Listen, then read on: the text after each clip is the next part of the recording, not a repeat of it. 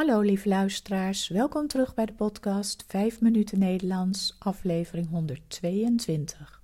Het is vandaag woensdag 25 januari 2023. Als je de tekst van de podcast wilt lezen, kijk dan op de website petjeaf.com slash 5 minuten Nederlands. Als je de teksten van eerdere podcast wilt ontvangen of vragen hebt, stuur dan een e-mail naar 5minutennl.gmail.com. Mijn naam is Carolien, ik ben taaldocent op de universiteit en woon in Leiden. In deze podcasts vertel ik iets over mijn leven, over wat ik de afgelopen dagen heb beleefd of iets over de Nederlandse taal en cultuur. Aflevering 122 Kofferveiling als we op vakantie zijn geweest en we komen aan op de luchthaven, dan ben ik altijd blij als mijn koffer ook is aangekomen. Ken je dat gevoel?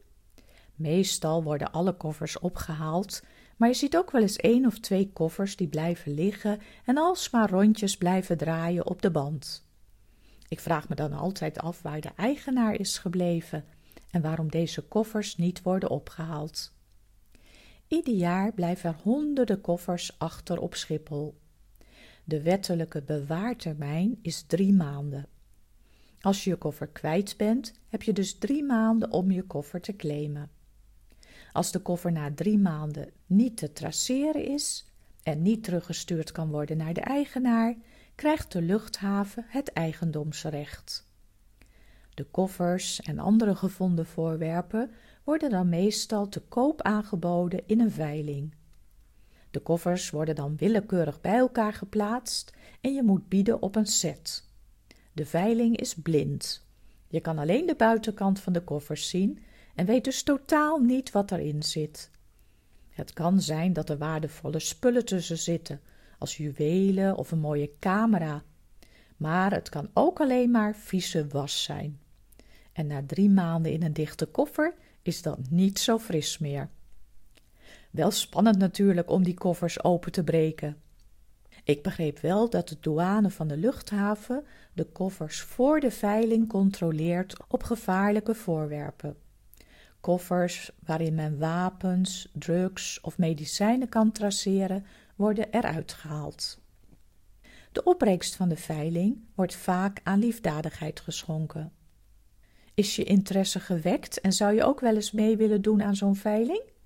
Dat kan. Iedereen is welkom om gewoon te gaan kijken bij zo'n veiling hoe de koffers en reistassen worden verkocht. Als je zelf wilt bieden op een set koffers, moet je 18 jaar of ouder zijn. Ook moet je een geldig identiteitsbewijs hebben. De koffers worden verkocht aan degene die de hoogste prijs biedt. De veilingmeester zegt dan: eenmaal, andermaal verkocht. En als jij dan als hoogste had geboden, is het pakket koffers voor jou. Let wel, er komen altijd nog zo'n 20% extra kosten bij. Veilingkosten en BTW. Daar moet je dus wel rekening mee houden. Ik had nog nooit van deze veilingen gehoord, maar een buurvrouw vertelde me onlangs dat haar broer wel eens had meegedaan. Hij vond het altijd heel spannend koffers mee naar huis, handschoenen aan en dan de koffers openbreken en kijken wat erin zat. Een enkele keer heeft hij leuke dingen gevonden in de koffers. Die heeft hij meestal weer verkocht via internet. Maar vaak zat er ook helemaal niets bijzonders in. Hoe dan ook, ik ben altijd blij als mijn koffer weer op de band is.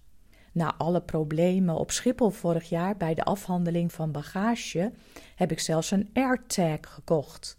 Dat is een klein rond dingetje van Apple dat via Bluetooth contact kan maken met je telefoon, waardoor je precies kunt zien waar je koffer is.